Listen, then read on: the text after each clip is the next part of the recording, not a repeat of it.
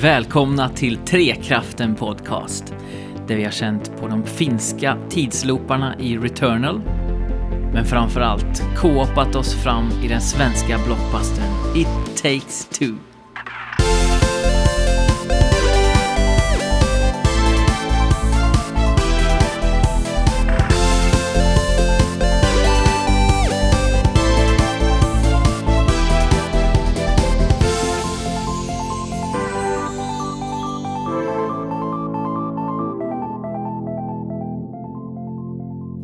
Som en sång i era öron kommer Trekraften tillbaka. Och eh, det är inte vilken sång som helst, utan det är den här It takes two. Men varför är vi då tre i Trekraften här, eh, Fabian och Andrew? Det måste ha blivit något fel. Ja, så att eh, du får ju bege dig då Jesper. Hej då. Ja. Hej då. Mm. Nej, Ja, jag, tror- du, jag, ja. tror vi, jag kan ju tänka att jag är den som eh, spelar er istället. Kontrollerar er. Det är ju det jag gör till vardags ändå med min manipulativa sida. Mm. Eh, så att eh, vi kan se det som att jag har handkontrollen och ni två är eh, de karaktärerna man styr. Mm. Eller så är bra. du the book of love helt enkelt. Dr. Hakim. Dr. Hakim Ja, Mm. i det här sammanhanget.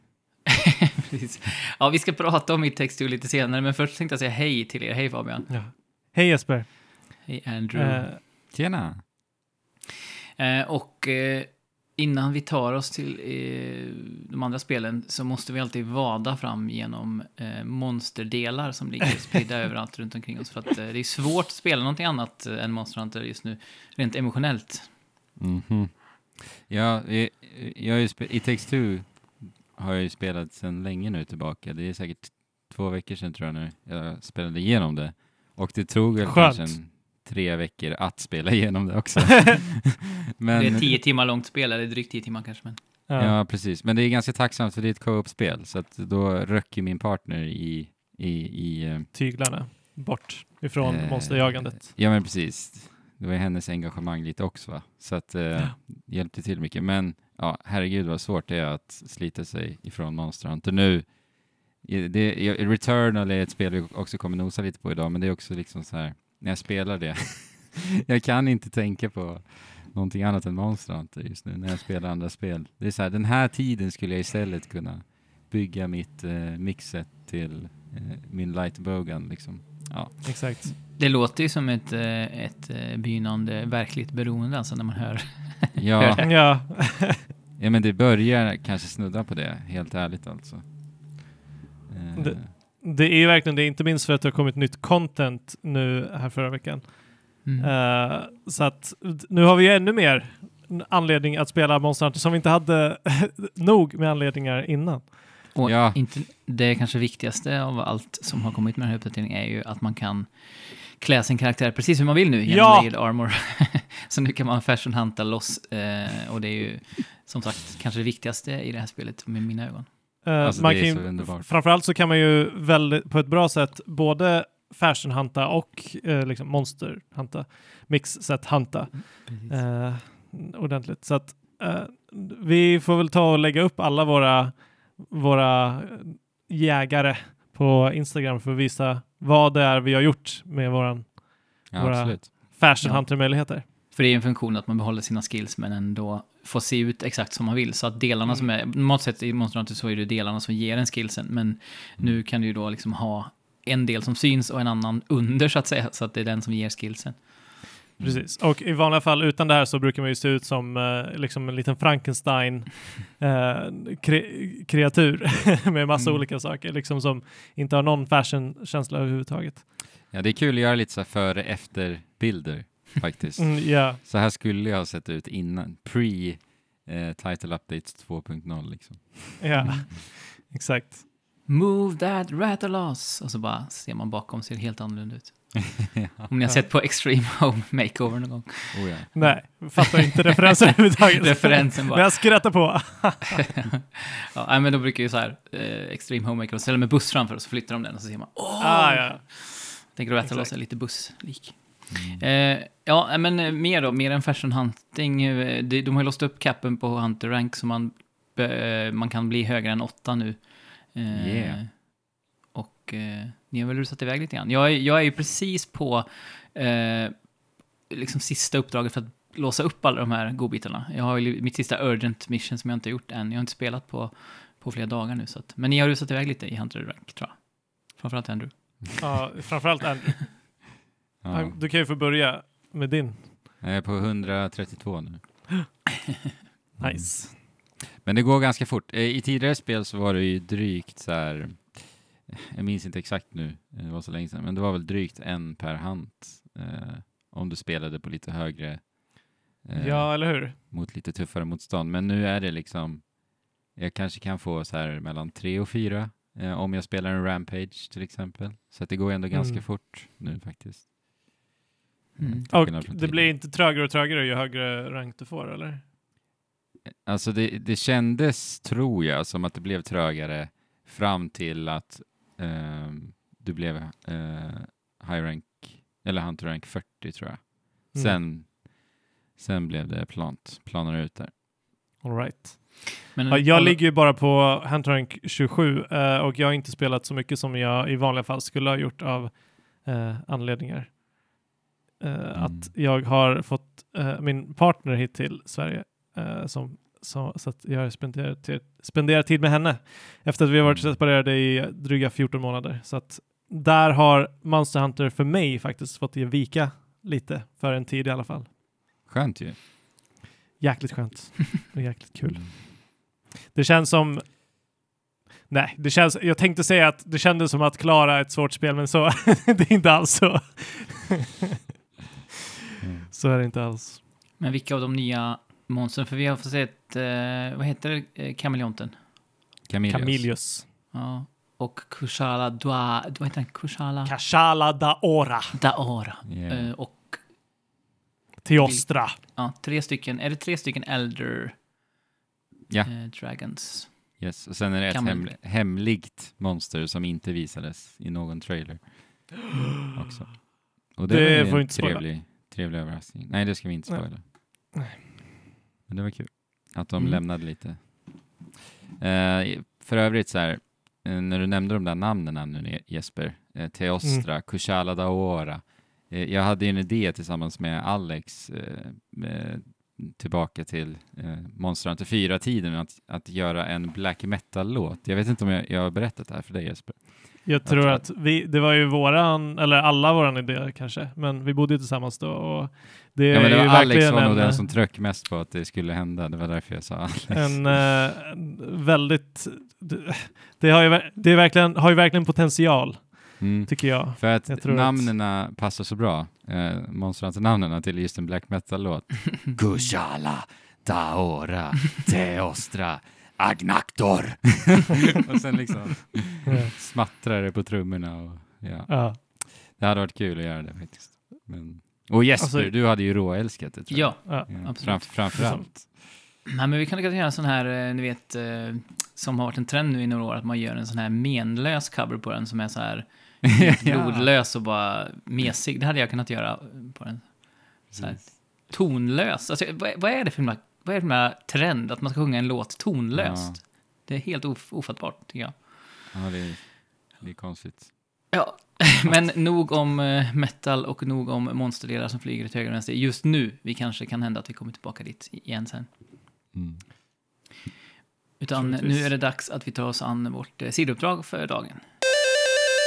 Och det är ju finska eh, ambitiösa spelet Returnal. Det första ehm, exklusiva Playstation 5. Nej, första är det ju inte. Men ett av de första. För vi, vi fick ju se Demon Souls-remaken och finns någonting mer?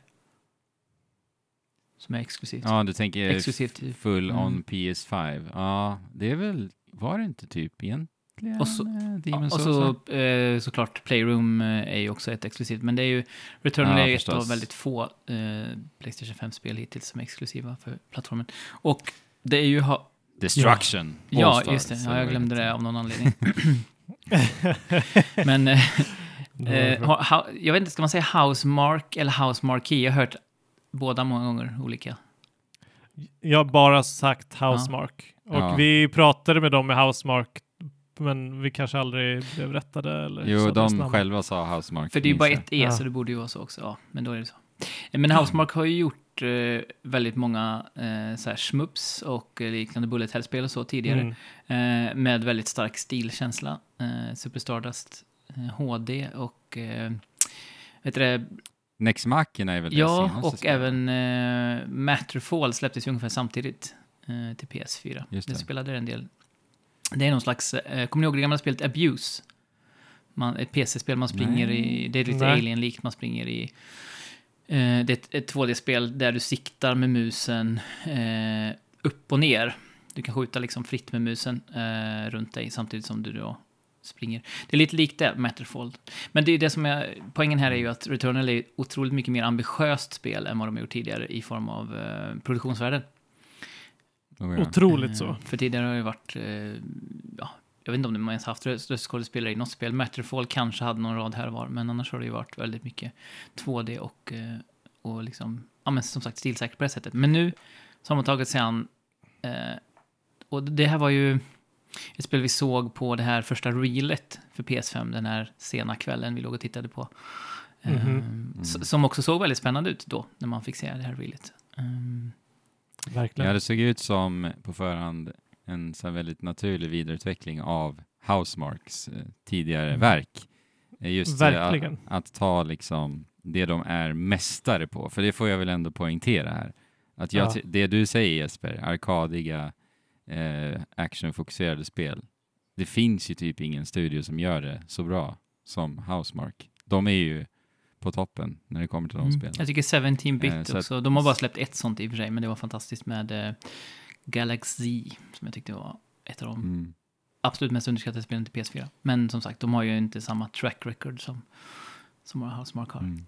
Eh, Men så att se dem gå, ta det till tredjepersonsskjutaren som vi ser Mm. här och verkligen går, går in i just bullet hell-aspekten tyckte jag Verkligen. såg så sjukt spännande ut. Och sen att just ett roguelike känns också som en sån himla naturlig vidareutveckling av det arkadiga. För att det är ju egentligen, om man tänker på så här roguelikes, det är ju som att stoppa in pengarna i arkadmaskinen när du dör och börjar om Mm. igen så att säga. Det blir Ja, ett, det ett, ett väldigt naturligt eh, och snyggt sätt eh, att liksom vidareutveckla den typen ja, av spel. de tvingades. Eh, för det har ju tidigare varit väldigt så high score baserat, deras spel Mm. förstås då, i och med arkadaspekten. Men nu är det ju eh, ja, mera invävt i liksom roguelike-delen. Ja, och de tvingas ju nästan gå den här vägen att göra det mer, eh, ja, kanske mainstream då med tanke på perspektiv och så. För att eh, de märkte att deras spel sålde sämre och sämre i princip. De Ja, att göra någonting precis. annat. Ehm, och det här är ju en Ja. otroligt bra position att vara i också för dem, eftersom att det inte släpps så många exklusiva Playstation 5-spel. Så att det är nog många som får upp ögonen för det här spelet som inte hade fått det annars, kan jag tänka mig. Ja, så det är en bra Ja, timing ändå faktiskt. Ja, och som du säger, alltså det är ett av de första Playstation 5-spelen och det märks, ska vi poängtera också, på, eh, på, på många sätt. Bara på hur det eh, ser, ser ut är ju en enorm skillnad från eh, vad, vad vi annars ser från liksom, gamla PS4-spel. Eh, det känns lika fräscht som eh, Demon's Souls Mm. gjorde. Och framför allt så har vi ju liksom det som Playstation 5 mm, bidrar med Mm. extra som de andra inte gör. Med handkontrollen. Mm. Som jag är så glad att de här, att Housemark har tagit eh, tillvara på, vilket är, ja, DualSense handkontrollen. Det är lite kul ändå, bara eh, innan vi dyker in vidare på DualSensen, att de två exklusiva spelen som jag släppt som inte är inpackat då, som Astro, båda har varit så här riktigt svåra, riktigt mörka spel. Ja, Mm. Så välkommen till Playstation 5-upplevelsen. Här får ni liksom en käftsmäll typ. Men vad kommer Ja. härnäst? ja exakt. Clank. Det kommer som en, en, eh, en se. frisk eh, vind och sveper. Ja, det ser så Alltså bra det kommer ut. se, ja. Alltså, det- ja. Ögonen smälter när man Mm, tittar på ser det. här. fantastiskt ut. Alltså det, vi, vi kan ju inte fatta förrän, förrän vi faktiskt spelar det här spelet. För att precis på samma sätt som man inte riktigt kunde fatta Dark Souls eller, eh, eller Returnal innan man faktiskt satte sig på det. Tänk dig deras stiliserade Mm. Mm. och fina och underbara action DualSense som också. Men ja, Ratchet Clank vi tar det då. Ja. Nu har vi, ja, men nu är det Returnal och Ja, Housemark. och, och DualSense nämnde du. Det, det är ju i klassmaster och helt klart tycker jag eh, i till Ja. exempel Mhm. bara det här klassiska när man kliver ut i regn första gången i spelet och det börjar så här. Ah. Det låter som ungefär som när man sover i en husvagn eller i en stuga och så regnar det på, på ett plåttak liksom. Eh, och, och det känns, det är, det är också olika, det är inte, det är inte en frekvens eller ska säga, utan det är liksom, man känner Nej. att det är olika tunga droppar och olika rytm och ja, det är verkligen så himla härlig känsla att bara höra det regnet. Ja. Mm. Ja, och inte bara det. eh, liksom när man skannar saker. För att Ah, skanningen! Den är underbar. nya saker som du skannar, skannar du lite så här Metroid-eskt eh, genom att hålla in en knapp och medan du gör det så, så här, skakar DualSensen på ett så härligt sätt. Hur ska du förklara det, Andrew? Jag vet inte, det typ klickar på något vis. Jag klickar och så ökar klickandet. Det är så klickvibrationer på något vis. Ja, det, det känns nästan som att liksom ehm, jag vet inte, det är små fotoner från en typ så här laser som, som träffar objektet allt eftersom att den liksom Mm. eh, skannas, skannas av. Jag vet inte, det, men det är jäkligt skön känsla i det. Ja, jag älskar att skanna i det här spelet. Överlag är ju det Underbart. väldigt mycket som ett mörkt Metroid Prime, så långt jag har spelat i alla fall, så känns det väldigt mycket som så här, samma känsla som när man landade på, eh, vad heter den, CBS, eller vad heter planeten i, nej, det är gamla Metroid va? Talon 4? Ja, precis, Talon 4. Eh, det här med regnet och rymdskeppet och, men som sagt, sen finns det ju ett, ett betydligt mer mörker i det här spelet än vad det gör i, i Metroid. Samus springer inte Oh, runt ja. och ifrågasätter sin egen eh, sanity och, och existens som det gör i det här spelet. Och det är ju det som är så eh, kul. Jag, jag har ju varit sugen på det här spelet med tanke på att det är en roguelike och Bullet Hell är två genrer som jag tycker om och det ser ju väldigt fint ut. Och så frågar jag så här, hur läskigt är spelet? Och Fabian bara, nej men det är, inte, det är typ inte läskigt alls. och så spelar jag det, Det ju spelade jag det typ tre timmar i sträck, vilket är det jag har gjort då på fredag kvällen där. Och bara hade typ hjärtklappning halva tiden och bara det är hur läskigt som helst. inte minst det existentiella och det är ju väldigt mycket så här eh, psykologisk skräck mer än så här, det är ingen jump scare direkt och sådär, utan det är ju väldigt mycket mer så här en krypande, tryckande stämning eh, som jag tycker är extremt påfrestande. Så att säga. Ja, vi kan Mm. väl säga då premissen, eh, det är Brienne of Tarth, eller hur? Ja. Från Game of Det är Thrones. extremt Ja. likt, men det är ju inte hon, men det är väldigt likt. Ja, väldigt likt. Celine heter eh, protagonisten, va? Visst är det så? Eh, och vi kraschlandar ju då på en, någon främmande planet och sen så ska vi då eh, söka efter the white noise som är någon form av signal. Eh, och sen tidigt i spelet då så eh, upptäcker vi typ kroppar av oss själva och det är väl där liksom Mm. det, all mystik och eh, märkligheter börjar liksom eh, kliva in i spelet ordentligt.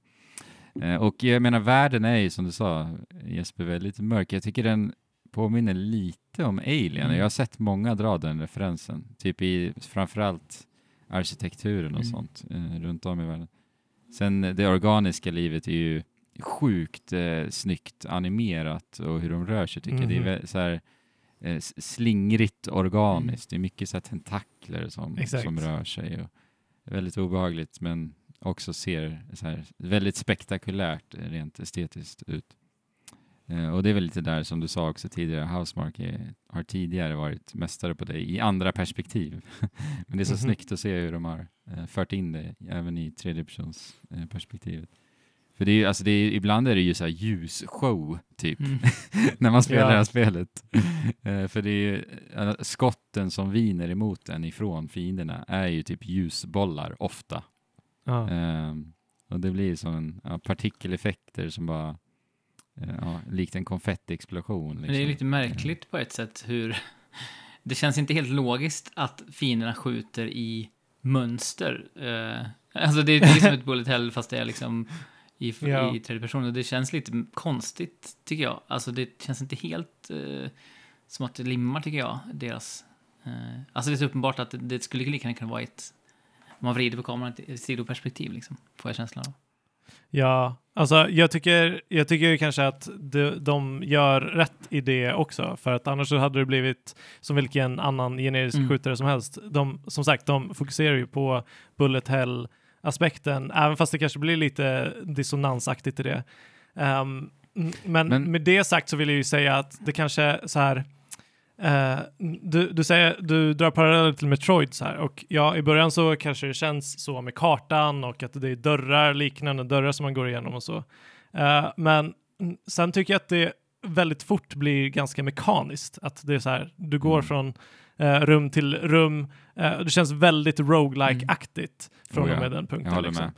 med. Och i och med det så tycker jag att liksom lite den här illusionen bryts ner eh, och kvar är det här liksom mm, sjuka, sjukt tajta actionspelet. Mm. Eh, vilket som, det, det är det som är i fokus och det är det jag har Mm. upplevt. Att jag, jag har inte upplevt den här påtryckande känslan lika mycket som jag har upplevt liksom housemark action-briljans Precis. i det Nej, för det, ju, det finns ju en himla massa system i spelet. Eh, och som Mm. presenteras för en i rasande takt. Det är ju inte en långsam eh, ramp-up, utan det är liksom... Nej, Nej. herregud. Nej. alltså. Och, men många av dem är väldigt roliga att interagera med. Eh, och eh, Mm. som en sån sak som att om man får ett antal fiender, om man dödar ett antal fiender i rad utan att ta skada själv så går man upp i adrenalin, adrenalinnivå som en tillfällig boost till olika, Ja. olika av dina system.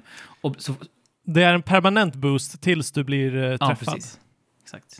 Men det, det, den följer ju inte med från run till run så att säga, utan det är ju så länge du... Nej, eh, precis. in. Det där känns också som en så här typisk arkadmekanik i Så bra. arkadspel. Ja, så de- Kombosystemet liksom, att Ja. du, du blir belönad för att, för att få en hög kombo liksom, Exakt. med annat än poäng. Och så. Ja, och så finns ju... Ac- Active bra. reload finns Ja, ju också för övrigt. Ja, exakt! Ja. Ja, alltså eh, actionmomenten tycker jag är helt briljanta, eh, än så länge, så, som jag spelat det. Ja, Verkligen. att du noterade det ändå just det där att det var att man hade nästan svårt att ta in allting som hände i form av ja, just systemen första tiden. Mm.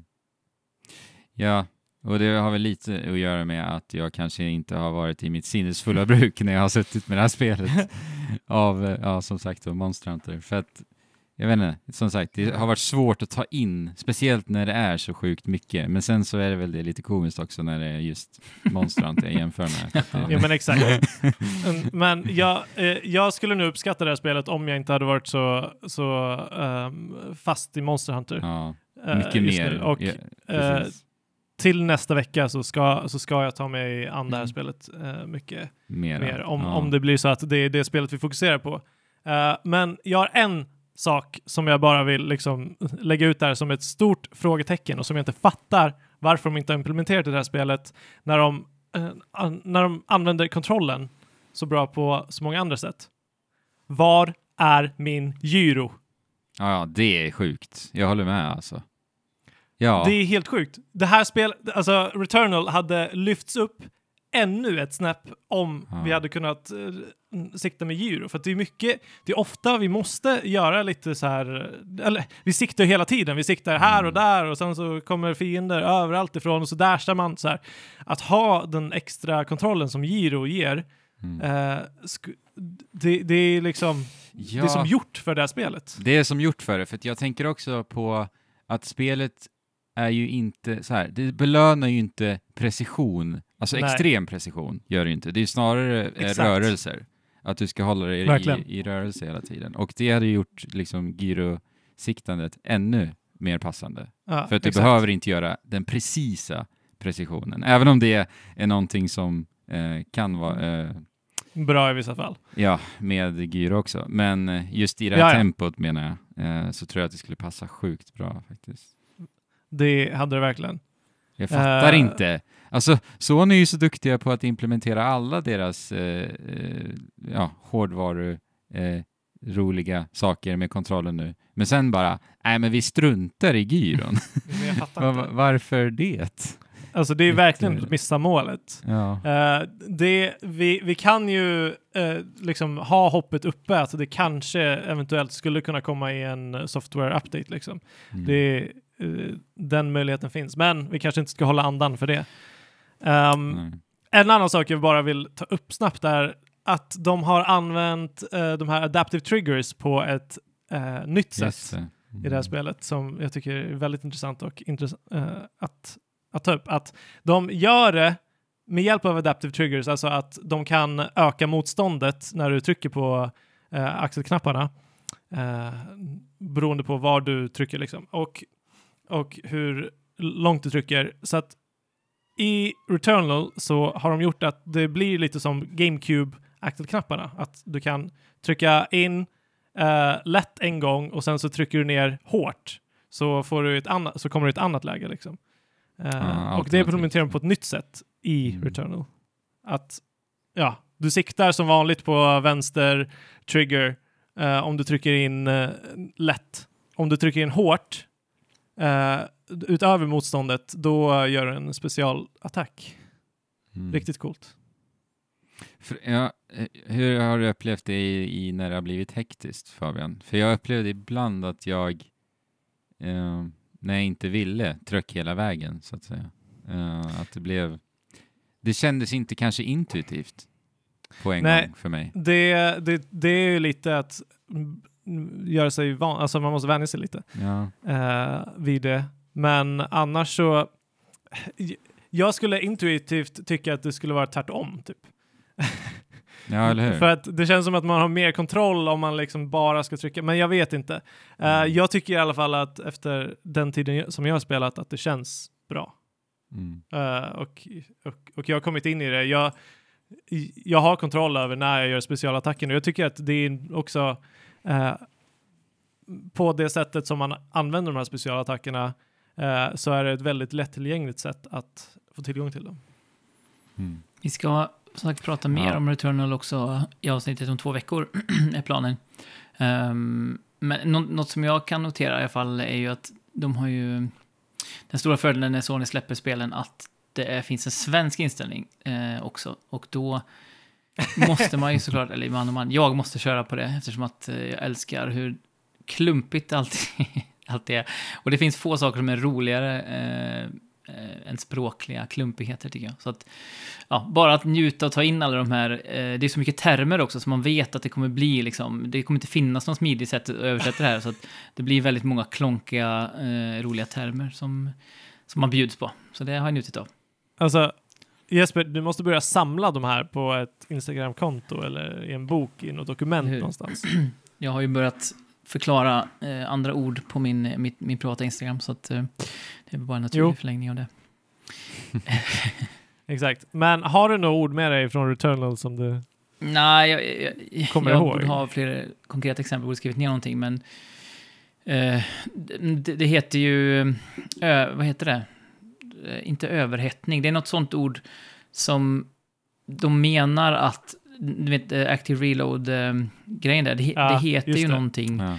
som i- egentligen eh, klingar liksom positivt, men på svenska så låter det som att det, det man gör är tvärtom, att man typ låser pistolen eh, när man lyckas med det. Ja, ja Mm. just alltså jag kommer inte ihåg vad det heter nu. Det heter väl typ over någonting. Ja, om det är overheat, men... Ja. eh, Ja, overheat Ja. tror jag att det är. Är det overheat? Ja, men det, då heter det typ så här effektivare överhettning. Alltså det känns verkligen superointuitivt på svenska. Eh, jag, jag, ska, jag ska ta med mig konkreta exempel till nästa vecka. Får jag göra. Eller nästa. Ja. Om inte annat så kan det vara ett tips till de som faktiskt spelar Returnal då att om du vill få lite, läskig, lite mindre läskig upplevelse så kan du ta på svenska så blir det lite, lite Ja. trams. It. Och lyssna, lyssna på podcast i ena örat samtidigt är också tips.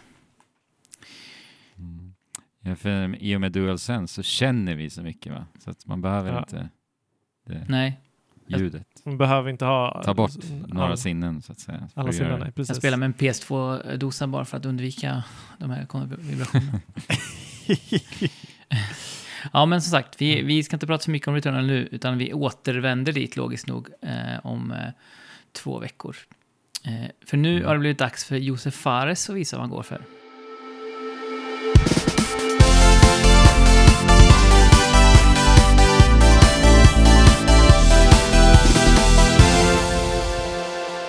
Ja, vi har Brothers, vi har A Way Out och nu har vi It Takes Two. Och det blir, om man sätter ihop dem så blir det Bye. Undrar om det är ett budskap. är, det här, är det hans sista det var spel? Det, det var det det... Mm. Han har blivit pappa också nyligen, så att eventuellt så är det här det sista vi får se Josef Fares på. Nej, jag tror faktiskt inte det. Med tanke på också hur eh, väl det här har blivit mottaget så är det nog raka motsatsen mot vad det är. Mm. Eh, Det är ganska coolt, att, ja, det är ganska coolt att se hur, annat, liksom, hur Hazelight har nu satt sig i en position där de ju liksom är en studio som alla pratar om runt om i- i spel, världen. Ja. Och En, en stor studio verkligen, i alla fall vad gäller ryktet. Verkligen. Ja, alltså deras- Jo- Josef är ju väldigt bra på att liksom hypa upp saker och Mm. eh, sig själv och Hazelight. Eh, och eh, för farhågan av det här var ju att det skulle vara väldigt mycket snack och väldigt lite av någonting annat, liksom, tyckte jag. Men de har ju nischat sig också väldigt mycket. Eh, Just deras eh, fokus på co-op. Eh, Det är det som är liksom synonymt med deras studio nu. Ja, och bara det skapar ju den här snackisen, som du säger Jesper. Ja, precis. Örebros Peter Molyneux som han ju går under det. i Örebro annars. Men, ja. nej, det gör jag inte. Ehm, ja, eh, vi får väl se här om han lyckas eh, ha, få ett bättre, en bättre utgång än vad Peter Molyneux fick, eller har fått i slutändan. Precis. Ja, men på tal om, vi pratade om Housemark innan och deras höjda ambitionsnivå. Det är samma sak här i, i Takes Two. Det här är ju deras klart mest ambitiösa spel hittills. Eh, och eh, just hur cinematiskt det känns. Det känns ju som en, eh, en liksom matinéfilm man, man spelar. Ehm, och Ja. full disclaimer kanske innan vi börjar prata om spelet är att jag har jobbat, jobbat ihop med Josef på, inte på något spel, men på eh, webb-tv-bolag back in the days. Så att jag har väl en viss connection och kanske tar mina ord med en nypa salt. Men jag tror att jag är hyfsat eh, objektiv ändå, men Mm. så att ni vet. Ehm, ja, i Text2, det här är ju ett, som ni sa, ett, ett eh, co-op renodlat spel och ehm, hur har ni tagit er an det då? Den, den delen, har ni spelat med era partners? Ja, visst är det så Fabian? Ja, alltså som sagt, som jag nämnde här förut så eh, är min partner äntligen här och vi har spelat, nu- det, det, det, var ju, det var min första tanke att så här, nu kommer hon eh, i tid med It Takes Two. Jag köper en ny Playstation 5-kontroll och It Takes Two och så kör vi. Eh, Mm. Och det har inte varit ett misstag. Nice. Nej, hur mycket har hon spelat tv-spel tidigare? Eh, en, en hel del, men hon, eh, hon, har inte, sp- hon spelar inte, hon är ingen gamer liksom. Nej. Nej. Och du, Pandro, eh, Pandro säger jag. du vet så här i Discord. Eh, du har också spelat det med din, din partner, tillika syster Ja. till Fabian. Så det är en himla, en himla eh, soppa alltihopa det här. Precis, och hon är väl inte en jättevan spelare, men eh, har ändå spelat en del, får jag väl säga. Eh, speciellt när jag kom in i bilden.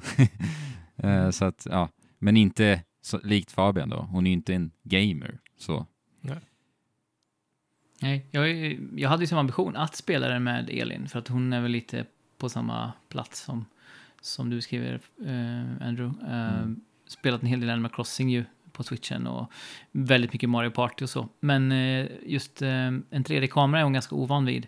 Ja, vi, har exakt. spelat, vi har spelat någon liten eh, sektion ihop, men mest har jag faktiskt spelat med Greta eh, och Nils. Eh, och Greta är fyra år och Nils åtta. Så att, men jag, jag tyckte, ja, det förvånade mig faktiskt när jag spelade, jag har ju bara spelat en tredjedel av spelet, ni har väl båda klarat av spelet, visst är det så? Vi har inte klarat av eh, hela spelet. Jag har klarat det. Ja, då har vi tre olika faser, det är bra. Men eh, det var, jag förvånade över hur, hur mekaniktungt det var, hur, hur ändå avancerat det var. Jag trodde att det skulle vara eh, alltså enklare, mer basic, det man gjorde. För det har det ju Mm. varit i till exempel i Brothers var det ju mycket så. Um, Mm.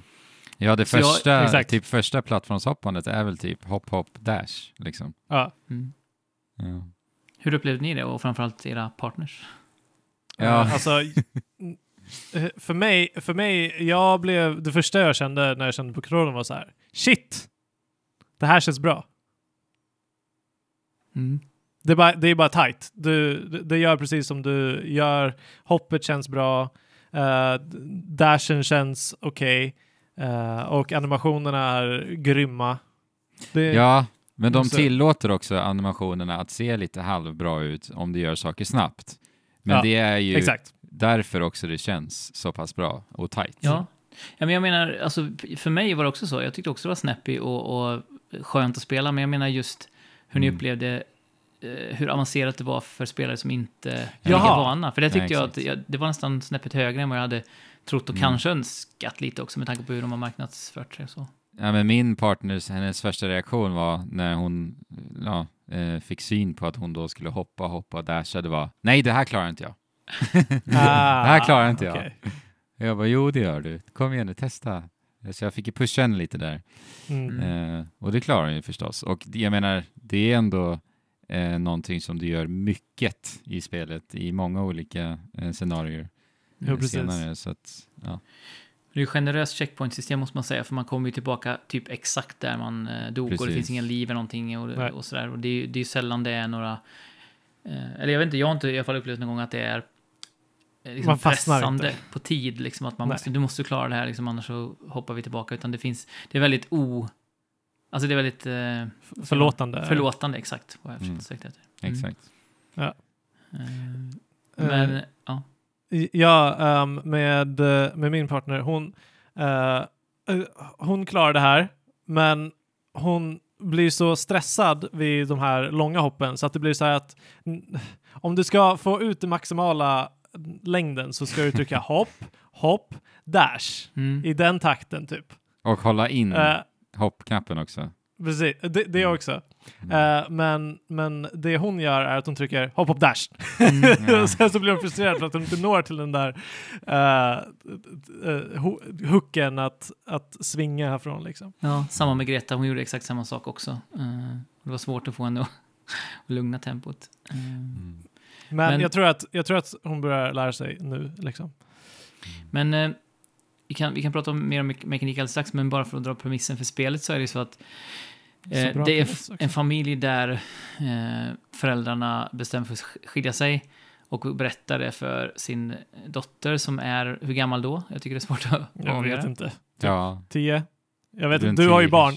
jag vet inte. Ja, men jag tycker hon agerar på en del sätt som att hon är typ fyra och en del Ah, sätt som att hon ja. är tio. Jag, vet inte, jag tycker inte de riktigt har lyckats porträttera henne. nej, det har du Men hon är weird. Alltså hon, hon är weird.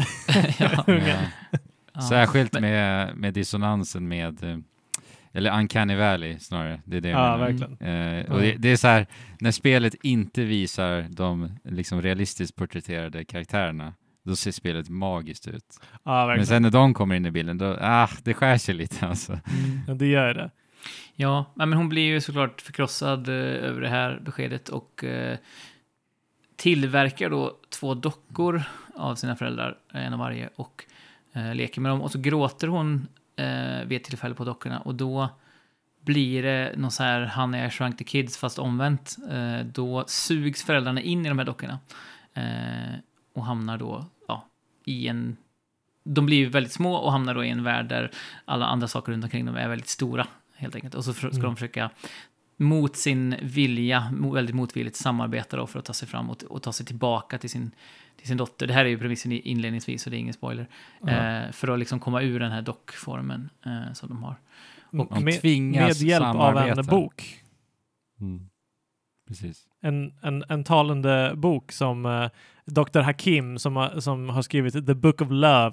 Mm. Eh, och han har då, jag vet inte, det verkar ju som att eh, den här boken är den som har eh, designat alla utmaningar. Så här, för att, eh, allting är liksom metaforer för, för att de ska liksom hitta tillbaka till varandra och Mm. lära sig samarbeta och hitta tillbaka till Och jag- kärleken. Jag har spelat en tredjedel av spelet som sagt, så jag ska inte uttala mig tvärsäkert på något sätt, men jag känner ju att eh, produktionsvärdet och, vad ska vi säga, skrivandet inte riktigt går hand i hand. Jag tycker att eh, röstskådespeleriet är- skådespeleriet är liksom toppklass. Ja, herregud Eh, vad bra det. Och animationen också, ja. Men, På de två är det fantastiskt. Mm. ja, verkligen. Men jag tycker skrivandet inte håller riktigt. Eller så här, jag tycker det tilltalar mig inte. Deras banter och deras liksom så här arken som de har hittills, så långt jag har spelat, känns inte... Jag vet inte, det känns lite trovärdigt. Den kanske blir bättre ju längre spelet går. Vad, vad säger ni som har spelat längre? Eh, jag tänker att det inte ska vara trovärdigt på det sättet, utan det är lite plojigt liksom. Eh, och ibland, ibland är det jobbigt eh, till, till en viss grad. Eller så här, irriterande, kanske sticker i ögonen när det är som värst. Men annars så liksom, jag, jag köper det för att det ska vara lätt tillgängligt. Det ska Mm. inte vara alltför seriöst, liksom, men det ska fortfarande finnas den här möjligheten att identifiera sig med de här karaktärerna och de små allt bickering, allt bickering-ringande som de gör, vad det nu är. Ehm, så, och det, det tycker jag de lyckas med i slutändan. Mm. Jag Liksom. tycker det känns konstruerat just det där, att det är så här, okej, nu ska de hålla på och tjafsa här och det känns, det är inte, jag, jag blev inte liksom charmad av det, utan jag blev mer så här, okej, nu gör de den här grejen. typ. Ja, men det är ju alltså, exakt. det, det är uppenbart och det, är- det är genomskinligt. Men jag tycker ju nödvändigtvis inte att det är någonting dåligt. Ja, alltså överlag är det ju en väldigt eh, lättvindig historia. Eh, men sen så är det ju lite glimtar av lite mer tyngd. Eh, och Ja. viss, vissa, vissa moment är bara så här helt sjuka. Alltså det är en Ja. sekvens i det här spelet som, alltså jag och min partner, ja, Ja. vi höll på, vi visste, vi visste inte vad vi skulle göra alltså. Det var Nej. verkligen en sån situation. Jag tror verkligen att vi tänkte på samma här. Det var så här, what is Ja. happening? Uh. Vi kan väl säga så- drottningen. Det räcker väl. ja. Mm.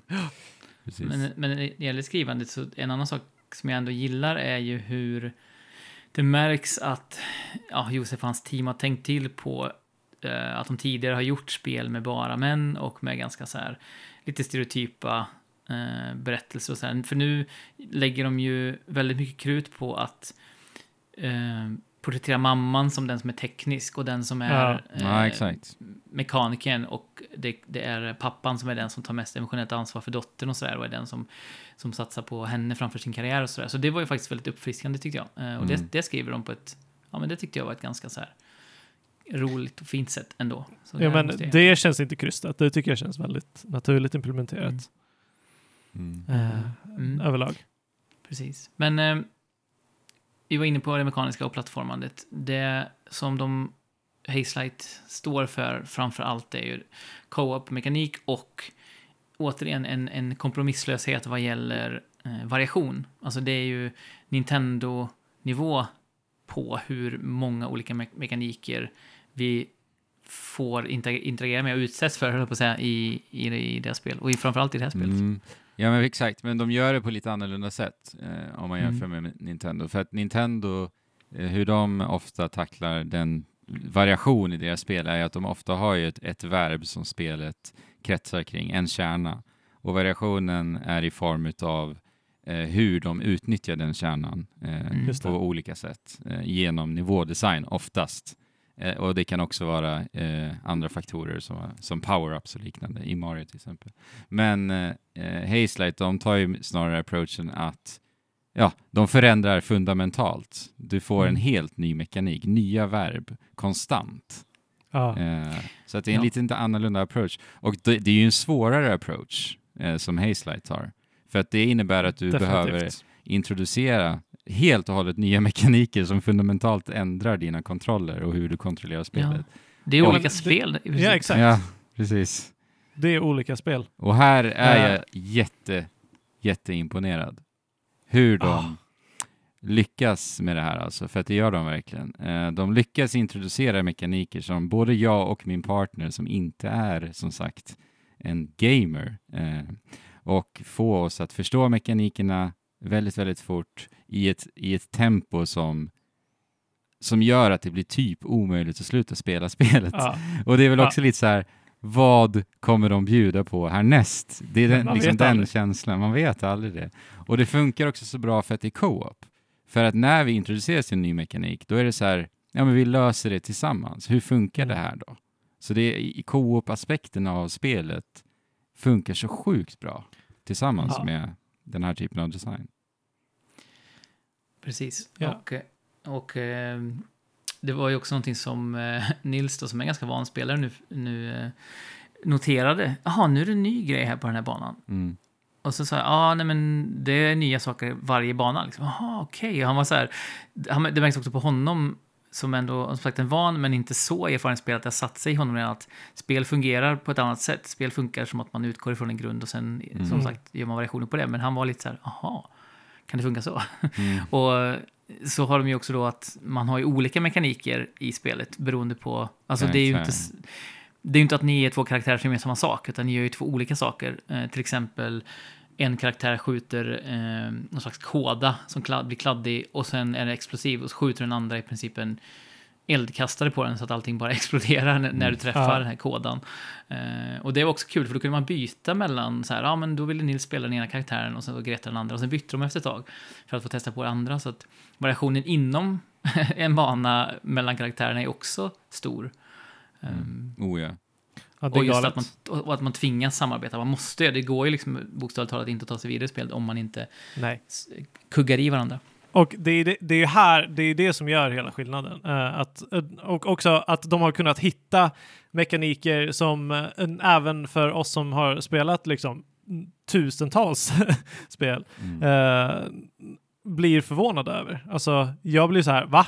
Mm. Ska vi göra det här nu? Alltså, skojar de? Och så känns det som att jag känner runt varje hörn. Och- det är just för att jag tycker de är, de är så smarta som fokuserar på det här, eller Josef och hela hans team, eh, att de har, sti, att att de har eh, behållit den här visionen att göra co-op-spel för att de har ett helt alltså. smörgåsbord Ja, med saker att göra, att, att Ja. göra och det, det tror jag är en stor anledning till varför de kan göra det här spelet överhuvudtaget. ja. Eh, det är bara pick and choose liksom. verkligen, och de, de, de har ju prototypat hur mycket som helst Ja. eh, innan, innan de har lyckats Ja, men- implementera det här. Men jag, jag, är, jag är så... Jag, bara sitter och gapar åt hur mycket mekaniker som finns i det här spelet, hur Mm. väl de är implementerade, hur väl de spelas Mm. eh, och att vi måste liksom det bidrar till att vi måste liksom eh, analysera situationer för det är inte bara äventyr och eh, plattformar utan det är ofta är det pussel. Ja. Eh, så att vi får ju samarbeta på ett sätt som, som gör att man spelar på ett sätt som vi vanligtvis inte gör. Och det är så sjukt uppfriskande och att det, det, det är för bra. Det är för bra. Alltså jag undrar, jag tänker bara på eh, besluten, alltså när de beslutade för, ja det här ska in i spelet. Ja. Alltså det, det, jag skulle bara vilja veta processen, för att det är så många idéer som sagt, och det är ändå varierad kvalitet får man ju säga. Alla är ju inte helt Ja, underbara, utan det är ju ganska varierad kvalitet. Men det är där jag menar. Vad, vilk, vad var de tvungna att uppfylla med varför de ska implementera de här extremt många idéerna? Eh, var intressant, så här, den processen liksom. När de sitter där Men- bara, här har vi tio stycken. Eller här, det känns lite som att de har haft 10 000 stycken från början. Och sen har Ja. de liksom eh, Kokat ja, ner det. kokat ner det till, och bara den så här, processen i vad de ska besluta att implementera. Ja jäklar vilket jobb ändå. Ja, och jag menar inte bara de här huvudmekanikerna som, som är liksom varje bana, utan i varje bana som är linjär så hittar vi saker att leka med, saker att interagera Mm. med, eh, minispel att spela mot varandra som inte har någon annan, eh, något annat syfte än att bara ha kul med. Eh, och ibland så blir man bara så här mm, överraskad med en trophy eh, Mm. för att man har, gjorde någonting som, som var kul. Eh, Och det där, jag tycker det där funkar så sjukt bra också just i tempoaspekten. För att det är ju ofta de här sakerna du hittar som du beskriver nu Fabian, sker ju oftast emellan lite större se- sekvenser i spelet. Mm. Och det blir en sån härlig, lite lågmäld eh, andningspaus. Eh, och just att det är co-op och att eh, min partner kanske hittar det här långt där borta på banan. Ja, Och sen så, säger, skriker hon till mig, åh kolla vad jag hittade, så ropar hon dit mig. Och så kan det vara ett litet minispel vi spelar ihop. Det är bara lek liksom. ja. Och de, just ja, lekdelen av spelet tycker jag de fullständigt, alltså det är klockrent. Nailat. Ja, de har nailat det. Eh, Ja. han, sa, han sa här vid någon intervju, Josef Fares, eh, att han mm, inte vill ha collectibles, utan han vill ha saker som man kan interagera med istället. Helt rätt val! Mm. Alltså, jag applåderar det beslutet. Och, Vad var det han sa? No shiny shit eller vad? ah, no shiny shit. Mm. so good. So good. Men det är väl så här överlag då, egentligen, när jag tänker på det nu när vi diskuterar. Alltså, It takes two är ett spel där det känns som att fokuset ligger mer på lek, nöje, överraskning snarare än att känna en utmaning, eh, finess och skicklighet liksom. Samtidigt som, samtidigt som det, det känns ju bra att spela. Utmaningarna eh, ligger på, alltså, det, det är uppenbarligen inte gjort för att vara svårt, men det ligger ändå på en bra nivå för att alla ska kunna få ut någonting utav det. Ja, Och det, om det inte är utmaningen som folk får ut någonting av det så är det spektaklet. För exakt. det händer saker, så, det är så cinematiskt och det, det är så väl eh, regisserat liksom. Eh, Mm. och det, det är så varierat i, i allt det vi har sagt med mekaniker och så, men också i miljöer. Miljöerna är så Ja. sjukt. Jag Ja. fattar inte hur de har liksom ens haft tid att göra alla, Nej. alla assets. Alltså artisterna, vad har de gjort? Det är helt galet. Jag vet inte. De måste ha crunchat järnet. Jag hoppas att så inte är fallet. Mm. Eh, men men eh, det är så sjukt mycket content i det här spelet. Och jag älskar miniperspektivet, jag tycker det är helt Ja. magiskt. Det Det är, är, ja, verkligen. det är också så underutforskat ändå, tycker jag, Det i är det. spel. Eh, och det öppnar också upp för det här galenskaperna vi får, får liksom åka iväg på i det här spelet. Och det Mm. kreativa, det öppnar upp väldigt mycket spelrum för dem, eh, bara av Det gör det. Och jag tycker det också, det ser vi också i spelet menar. Så att, ja, så jag håller med Fabian, en stor behållning är verkligen just den galna resan också, väldigt mycket, Mm. som sagt. Ja, och bara att göra för det första ett, ett um, endast co-op-spel och en romantisk komedi då. Alltså, Mm. det är väl det jag tycker kanske allra mest om. Eh, att, att man tar ett utrymme som inte riktigt har funnits förut och att man tillför Mm. någonting så nytt. Och, Mm. det har ju Josef sagt hela tiden egentligen att han kommer ju såklart från en, en väldigt framgångsrik filmbakgrund.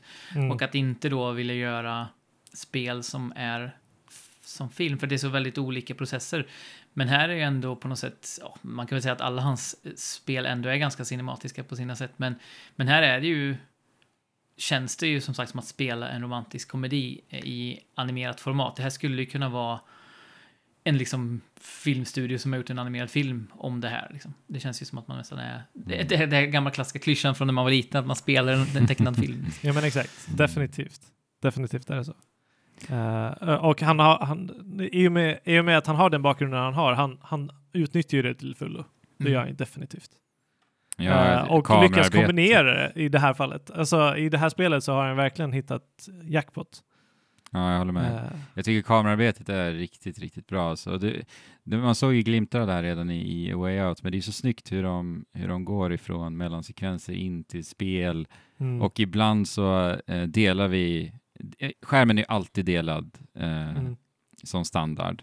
Men emellanåt så eh, kommer vi spela på helt samma skärm och så vidare. Och hur mhm. övergångarna sker hela tiden är så jäkla snyggt och, och liksom Ja, helt totalt sömlöst, eh, verkligen.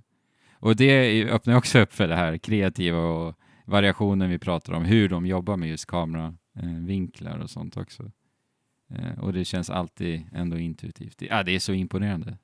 Ja, det är så imponerande. Och alltså, jag menar, eh, som, som du säger att det, liksom, det kanske inte är det bästa hela tiden, men för vad vi får, för den, re, den enorma kvantitet vi får, så är det sjukt imponerande, rigoröst, hela, hela spelet som helhet. Mm. Eh, och det är sekvenser i det här som, alltså det, det är inte bara kul och häftigt och spännande utan det, det är så coolt och som du säger, kreat, kreativiteten bara Mm. sprutar i vissa, i vissa fall. Liksom. Ja. Eh, och överraskningar sa du också uh, förut. Det, det är liksom i och med att de har den här kvantiteten så kan de också överraska. Men de, det känns inte som att de håller sig inom några liksom eh, ramar.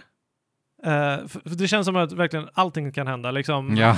ja. Dammsugaren pratar eh, helt plötsligt och bara för att du är i ett rum, eh, liksom ett barnrum, så är det inte att du springer i barnrummet utan då gör de ju liksom det till en level, även fast eh, i andra fall så, så kanske det är väldigt verklighetstroget hela leveln, liksom att det är på eh, n- ett, ett golv liksom. Ja, men Men- det, ja, men det är där jag tycker miniperspektivet ändå öppnar upp för det, eh, så att säga. ja. Att de får det spelrummet ändå.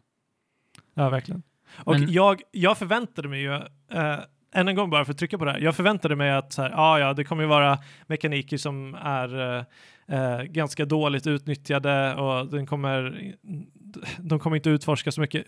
Självklart kan de utforska ännu mer. De skulle kunna göra ett spel av varje mekanik. Ja. Eh, men men det, det är så pass väl implementerat att det är sjukt. Mm. Men vilka, vi har ju nämnt det några gånger att det är väldigt många olika mekaniker. Vi kanske inte ska gå in superdetaljerat på det, för det är ju, det är ju väl i någon mån en, en spoiler, men, men vilka har varit era favoriter när ni har spelat? Vilka mekaniker och vad man gjort? Mm. Jag kan säga en kan man favorit. säga Kan jag säga. Det är eh, när vi befinner oss i något sorts rymdrum. Ja. Eh, och då får mig förmågan att... Eh, jo, vad får hon? Ehm, typ gravity boots. Visst är det så Fabian? Om jag minns rätt? Jo, hon får Gravity Brutes um, eh, och Cody eh, får ju, Kan, vi kan förminska oss ännu mer. och, eller förstöra oss. eller till. oss. och jag älskar förminskningen för att den är så liten. Alltså du så blir, jävla liten. du blir mindre än en myra alltså. Och det är jätteroligt att titta på Mays skärm då, när man tittar på Cody. Alltså det är bara en liten Ja. prick. det ser Ja, så himla charmigt ut. Och då om du liksom, du står på en, en, en kudde typ. Mm. Och sen helt plötsligt, den, den kudden är så sjukt detaljerad. Ja. för att Cody kan vara så liten. Eh, och det är så snyggt. Det är så snyggt. Alltså jag kommer nu försöka tänka något scenario hur de använder det här. Det är så svårt att tänka tillbaka på specifika, men den minns jag bara att jag tyckte var i, många ställen under den, den, den här delen av spelet där jag bara nej, nej vad smart. Jo, och den, den här, de här banorna var uppdelade i lite så här mini-levels Ja, som gjorde exakt. att de verkligen utnyttjade Testade eh, rejält. det man ja. kunde göra. Ja, Mm. Riktigt nice. Mm. Du då Fabian? Ehm, jag... eh, Alltså det är väl inte riktigt någon mekanik lika mycket som det är liksom hela sammanhanget och jag säger bara eh, klockan. För Ja. de som vet. och sen så säger jag inget mer. Estetiken på den banan tycker jag är magisk. So good. Mm. Wow. Och där, ja, där du vet i klima, ja, eller ja, ja, du så vet. coolt. Ja, det är riktigt coolt. riktigt, riktigt Mm. nice. har ett gott öga till klockor sen TikTok eh, Klock ifrån eh, Mario Kart DS som var en fantastisk Mario Kart-bana. Jag tänker mig att det är en miljö som är spektakulär. Ja, men som helhet It takes two då, hur, för det har ju fått jättefina recensioner om man kollar på de stora, många av de stora eh, mediehusen höll jag på att säga, har gett, har gett väldigt fina betyg. Mm. Vad blir liksom he- ert helhetsintryck av It takes two när ni har spelat klart det? Eller ja, du har inte spelat klart det Fabian, men hittills. Välförtjänat. Ja. Eh, Alltså- och Josef och Hazelight kommer ju ha svårt att överträffa det här känns det som. Eh, Mm. de, de har ju mycket att bevisa för att, för att de har lagt så mycket i det här spelet, tänker jag. ja, Eh, precis. Men, Men men annars så också- tycker jag att det här är eh, den, den bästa co-op-upplevelse eh, jag har spelat tillsammans med. Eh, jag har inte spelat så mycket Portal 2, men innan så tyckte jag att Federa- Federation Force var det, som, det spel som jag nyligen, mest nyligen har spelat tillsammans med någon. Eh, och det var med dig Andrew som utnyttjade co-op-aspekten. Och alltså Mm. det här spelet, eh, Federation Force var ju alltså eh, någon typ Metroid Prime spin-off som, som gjorde mekaniker väldigt bra men allt annat inte så bra. Alltså, får jag bara det här spelet, till? Får jag bara lägga till? Federation Force var ett bra spel, hörni. ja men det var det. Alltså, är, det måste ju typ vara ett Det av, var de, ett grymt spel. ett av de mest, vad säger man? Minst, Underskattade Ja, de mest underskattade spelen där ute alltså. Ja, ett av dem. Mm. Eh, det fick ju väldigt mycket hat för att det inte var Metroid Prime. Och Förståeligt. Att, alltså, Förståeligt. det var chibi, ja mycket förståeligt. De, de gjorde väldigt många dåliga val, men Ja. spelet i sig var väldigt bra. Ja. Eh, men It takes two gör allting bra istället. Mm. Så det, det är utan tvekan den bästa um, upplevelse jag har haft på Ja. senare år. Och det är väl egentligen de orden jag också vill säga. Nu får vi tänka att det här är ju ett ko- kooperativt fokuserat spel. Designat för det. Och som Mhm. ett sånt spel så är det här tillsammans med Portal 2 det bästa av sin sort. Ja. Så det är nog så jag sammanfattar det. Så att spela detta med en Ja. partner eller en vän Mm. Eller ja, med en, En vän eller partner. dotter. Eller jag vet inte hur det funkar att spela eh, själv, men jag tror att man hoppar in i någon annans online-session. Ja, precis. Det räcker ju att du bara äger ett spel, vilket är ju fantastiskt. Det här gjorde de ju med A Way Out också ju. Eh, Så att ni köper ett spel och sen så får ni ett typ friend pass, eller vad de nu kallar det. Och så kan eh, ja, din spelpartner då komma åt spelet genom det. Mm. Nej, men jag, ska, jag är väldigt sugen på att spela mer och eh, jag ska bara hitta rätt partner då bland mina tre potentiella här hemma. Mm. Ehm, men jag tror, vi har ju spelat mycket Odyssey det senaste, jag och Greta. Vi har ju spelat om Odyssey från början nu igen och det är helt att uppleva det igen ifrån hennes ögon då. Jag har till och med spelat lite själv på kvällarna för att jag blivit så inspirerad av att spela med henne. Eh, Men det gör ju också att hon vänjer sig vid en 3D-miljö och i viss mån med en, en, en kamera, även om jag ofta styr den. Men det har märkts att hon har ju tagit stora kliv där, så jag tror att om vi nöter Mm. lite i Two så tror jag att vi kan, vi kan komma framåt det. För att hon är ju väldigt tacksam, hon är väldigt storögd inför allting. Så det är kul att spela med henne. Ja. Ehm, men just, just Odyssey ska jag bara säga att hon, hit, hon, har, hon är ju i en total Mario-period just nu. Så hon tittar ju, hon nöter ju olika YouTube-videos med Odyssey. Så att flera gånger i spelet så har hon ju så här, eh, pappa vänd kameran. Eh, varför, varför då? Jo men, eh, vänd kameran, jaha. Och så var det en liten så avsats eh, bortanför det jag stod, där det fanns sån här eh, mynt, ni vet sån här lila Ja. mynt som Ja. man Ja, det. det. eh, för att köpa kläder i spelet. Och, och det var så, ja, va? Hur visste du det? Ja, jag, jag sitter på YouTube. hon är liksom fyra år. Så himla härligt. Och Har det är flera sådana sekvenser där hon är så här, har visat hemligheter i spelet som hon har sett på YouTube som inte jag kände till. Har hon tittat på min speedrun på Twitch? Nej, hon måste göra det. Ja. Hon, hon, är, inte in, hon är inte invigd i Twitch ännu, men eh, Nej. absolut. Nej, men så att jag tror att den skolan kan nog vara väldigt bra inför att vi ska fortsätta vår resa i, i Takes Two. Eh, hon är lite stressad över bossarna. Vi, vi har klarat Ja. två bossar då, Mm. men eh, det får man kämpa Var, lite med. det måste väl varit ganska tufft ändå, för bossarna är ju lite stressande alltså.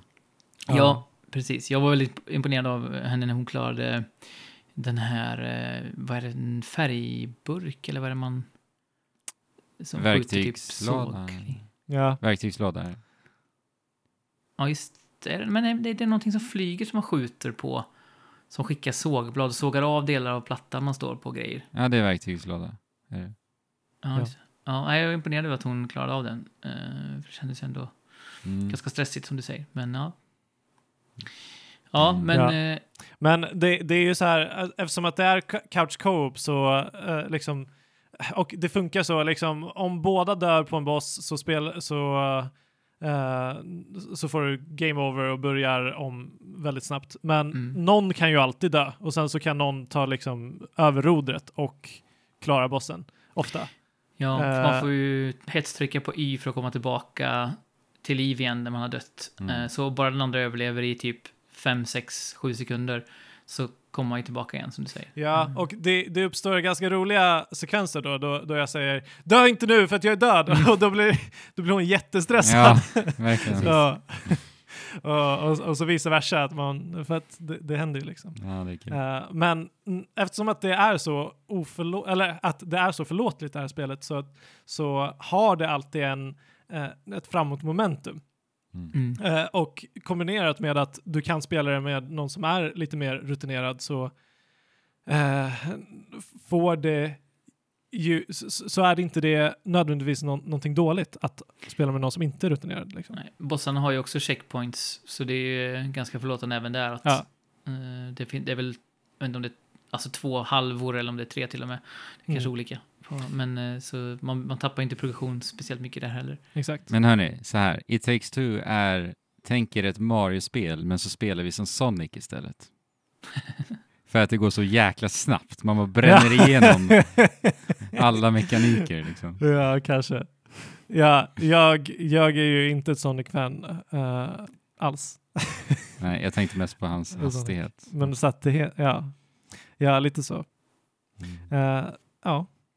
Nej, men jag, tyck, jag vill också lite bara höja upp detaljrikedomen i liksom personlighetsanimationerna och så. Liksom vad du än gör så gör Cody det på ett sätt eh, och May gör det på ett annat sätt som Mm. liksom går med i deras personlighet.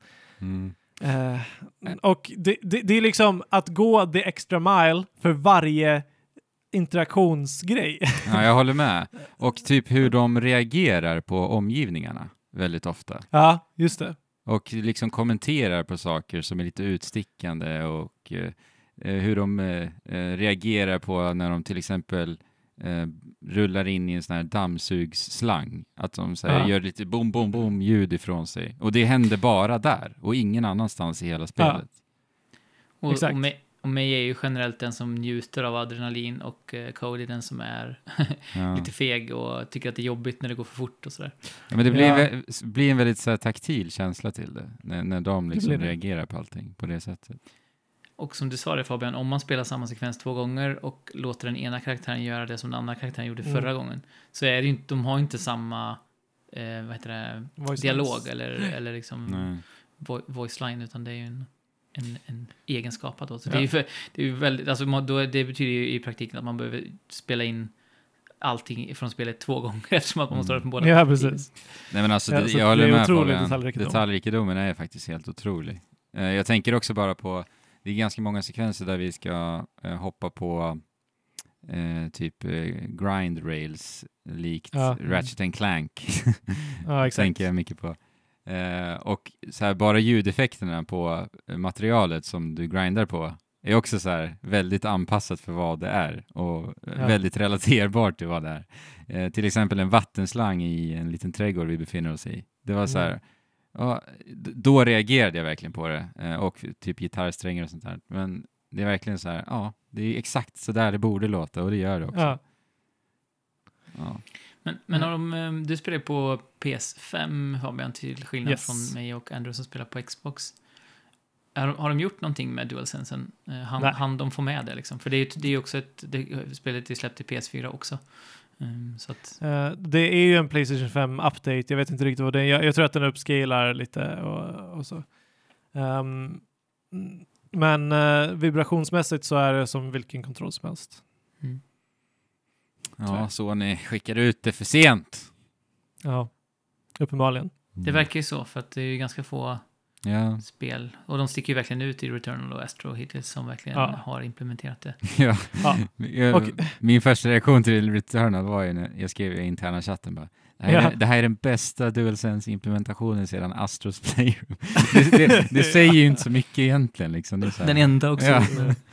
Eh, Men, Typ. men, men det är sjukt, alltså bara för att uh, återgå till, till hur mycket taktil uh, DualSense taktila eh, funktioner gör. Alltså det, det bidrar så sjukt mycket. Ja, jag tycker verkligen det också. Jag tycker verkligen det. Det, det är det blir det kan ju en verkligen helt vara en-. Alltså för multiplattformsspel så kan det ju verkligen vara ett argument. Om man, om man nu har möjlighet att köpa det till båda. Till varför man ska skaffa det till, till, till Playstation 5. Om man nu håller med oss. Jag vet att, jag vet att till exempel Aron, eh, min, min kompis och kollega i Öppna Världar, inte, han tycker det är gamikartat. Eh, och jag, Mm. jag, jag kan inte riktigt förstå det perspektivet. Men, men eh, det, det är ju uppenbarligen olika. Men Ja. för oss som, som har det perspektivet så är det ju en USP. Men hörni, tänk er en fulladdad Greatsword med den här responsen. Can't wait! Can't wait! ja. Ställer man sig på knä och så här hårdrocks headbangar varje gång man gör en uh, attack i monstranten med, Ja. med den feedbacken. Alltså det kommer ju ta till tillfredsställelsen till en nivå vi inte ens vet vad det är. Eller som jag hoppar runt med glaven och man känner på kontrollen, så här små vibrationer. Ja. Mm. Och ljud från handkontrollen. För ljudet är ju väldigt väl implementerat. Det är ju en burkig liten eh, högtalare i kontrollen. Men de använder oftast, i alla fall i de här fallen som jag har varit med om hittills, till ganska så här gälla ljud. Mm. Så det Ja. funkar ju väldigt bra. Ehm, Ja. Precis. Så det höjer ju lite grann också. Tycker jag. Mm. Ja, jag ser så Men- mycket fram emot Ratchet and Clank alltså. Ah, det är helt galet. Vad kul det ska Det är bli. helt galet. Det är inte så Alltså- länge kvar. Det är, är det juni? Ja, det är bara Mm. början på juni, så det är, det är E3-veckan till och med, så det blir kul Mm. där. En månad kvar då. Det är ju Ja. sjukt faktiskt. Ja, By the way, idag är det May the fourth be with you. Mm. just Eh, det. för, med den saken. Det är ju inte när du lyssnar. Nej, så det här kanske vi ska klippa bort. Men Nej eh, Nej, det, det är värt att, att få suga lite på den karamellen. karamellen tycker jag. Men It takes two också. Jag, jag tycker ändå att det är en viktig grej att ta upp. Returnal är jäkligt dyrt. Ja, just det. Uh, It takes two är hälften av det priset. Typ. Ja, det är just det. Det är ju inte ens fullprisspel. Det är inte fullprisspel. Och man får ju i princip två spel för de, den pengen också, kan man ju säga då. Ja. Eftersom man får ett eh, buddy pass också. Precis. Och sen som vi, jag tror vi sa det i förbifarten. Alltså det tar ju cirka, ja, ungefär runt tio timmar alltså. Det är ett långt kooperativt äventyr. Det är helt galet. Mm. Så, Så att alltså värde för pengarna ja jösses. är det verkligen. där. Det är, det är Verkligen. imponerande. Vi, vi är på en eh, svensk streak nu. Mm, Vi har spelat det. Little Nightmares, vi har spelat Valheim, vi har spelat ehm, It takes two. Och Returnal eh, är ju lite så här Det är eh, grannlandet. kusin, svenskt. Ja, Mm. Ja, härligt. Finskt. eh, Nordisk spelvård detta. Vi har varit rätt positiva till alla också ändå. det har det. Mm. Har vi något mer Ja. eh, nordiskt i kikaren framöver? Det har vi kanske inte, eller? Ah, jag vet faktiskt hur det ser ut egentligen. Jag vet faktiskt inte. Ja. Det är Men, frågan. Ja, om ni letar eh, efter antingen nordiska spel som ni ska spela. Eh, eller- Biomutant. Ja, just det. Biomutant, Just det. precis. Jag, jag kände att det var någonting. Ja, eller hur? Eh, och eh, om ni har fler exempel på nordiska spel som ni ser fram emot så skriv gärna i vår Discord. Eh, och eh, den hittar man ju i avsnittet här i beskrivningen. Klicka på länken där. Och ni kan ju också eh, med fördel leta, om ni inte har någon annan att spela takes two med så kan ni ju definitivt leta spelkompisar eh, på Discorden. För det finns säkert någon som är sugen på att dela på ett exemplar av It takes two. Det vågar jag nästan lova. Mm. Eh, är det någonting mer ni vill säga om It takes two innan vi tar och puttrar den här eh, lilla motorbåten i hamn? Det sista jag kanske vill säga är att jag trodde aldrig, aldrig att ett spel skulle kunna leva upp till Josef Fares hype. Men jag är motbevisad. Ja. Well done, Ja, well His. Light. Ja, en koppling vi inte gjorde där till 4 maj, är ju, eller May the 4th, är ju faktiskt att Josefs bror är med i, i den näst senaste Star Wars-filmen. Jag vet inte om han är med i den senaste också kanske. Eh, Fares är ju med i, alltså Fares Ja, just det. Just det, den uppenbara du? kopplingen ja. Ja, Ja, hur kunde vi missa den? hur kunde... ja. Men nu fick Men- vi med den Tur. ändå. Annars hade jag klippt in den i Annars- efterhand. Yes. hade klippt andra skratt från oss och så här. Det Tillbaka. har varit, ja, men det har varit så otroligt pinsamt att missa det. Jag menar, Ja. ramaskrit hade blivit från eh, alla lyssnare hade ju varit enormt. Det hade ju bara varit att lägga ner. ja. Precis. Vil- vilken är annars er favoritkaraktär i, från Star Wars-universet? Om, om vi Oj. ska ta oss kvar i. Oj. Oväntat nog så, så gillar jag verkligen Kylo Ren. Alltså, jag tycker han är fantastisk. Eh, Mm. Vet han Ben, eh, ben Kenobi? Vad heter han? Adam Driver. Ja. Eh, eh, jag tycker han gör den rollen så sjukt bra. Både läskig och det här truliga, liksom lite bortskämda ungen och andningen och allt. Ja, jag, tycker- jag, jag har verkligen gillat eh, honom som karaktär. Alltså jag gillar ju honom, eh, men jag gillar typ inte karaktären. Eller- Alltså jag tyckte aldrig att han var läskig, jag tyckte bara att han var löjlig. Eh, Ja, men jag tyckte de lyfte fram honom bra. Alltså det var ju, var ju på något sätt meningen att han skulle framstå som ganska eh, osäker och tramsig på något sätt. Ja, Det är helt blankt i mitt Ja. huvud när jag ens tänker Ja. på Star Wars-karaktärer nu. Alltså jag, aj, aj, aj. Jag tänker Jar Binks. Ja, ja. det- Yoda. nej, men R2D2. Ja, nej, Grogu säger jag. Så, Vad sa du? Grogu säger jag. Drogu. Ja, han är cool. Let's go. Söt i alla Ja. fall. Hjälp oss, kära lyssnare och Discord-användare, och kom med exempel på bra Star Wars-karaktärer. Vi vet att det finns många. Men eh, det kanske är ett tecken, eh, Andrews blanka hjärna. Eh, och eh, du har också, vet jag, suttit och game hela dagen, så det är, du är ursäktad att din hjärna är lite blank så här på kvällskvisten när vi spelar in detta. Tack, tack, tack.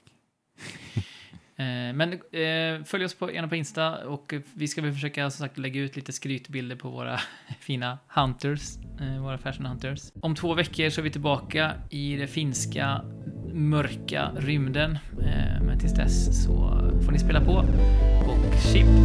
Tjola. Hopp.